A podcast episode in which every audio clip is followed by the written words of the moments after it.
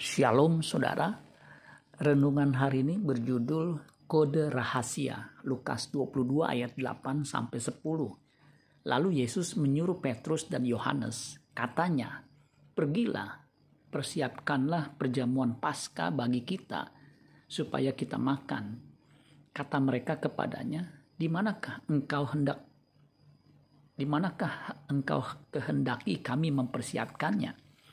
Jawabnya, apabila kamu masuk ke dalam kota, kamu akan men, akan bertemu dengan seorang yang membawa kendi berisi air. Ikutilah dia ke dalam rumah yang dimasukinya. Ketika tiba hari raya roti tidak beragi, Tuhan Yesus hendak merayakannya bersama murid-muridnya. Tempat yang dipilihnya adalah suatu tempat yang dirahasiakan.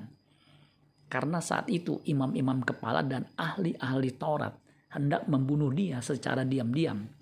Lukas 22 ayat 2 sampai 6. Itulah sebabnya Tuhan Yesus menyuruh dua orang muridnya, yaitu Petrus dan Yohanes, mencari tempat rahasia dengan kode seorang laki-laki membawa kendi berisi air. Laki-laki tersebut yang harus diikuti sampai ke rumah yang dimaksud. Memang rumah yang cukup besar sudah tersedia pada zaman itu adalah tidak wajar, tidaklah wajar bagi seorang laki-laki membawa air. Sebab pekerjaan itu merupakan tugas ibu rumah tangga atau budak. Tugas yang diberikan oleh Tuhan Yesus kepada Petrus dan Yohanes tampak seakan-akan dia sudah mengatur pertemuan itu sebelumnya dengan memakai tanda rahasia.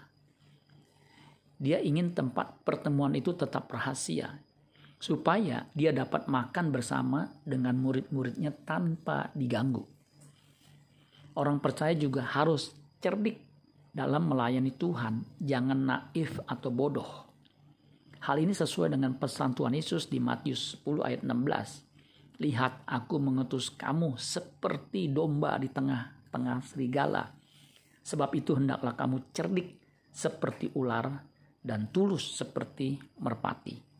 Amin buat firman Tuhan. Tuhan Yesus memberkati. Sola Gracia.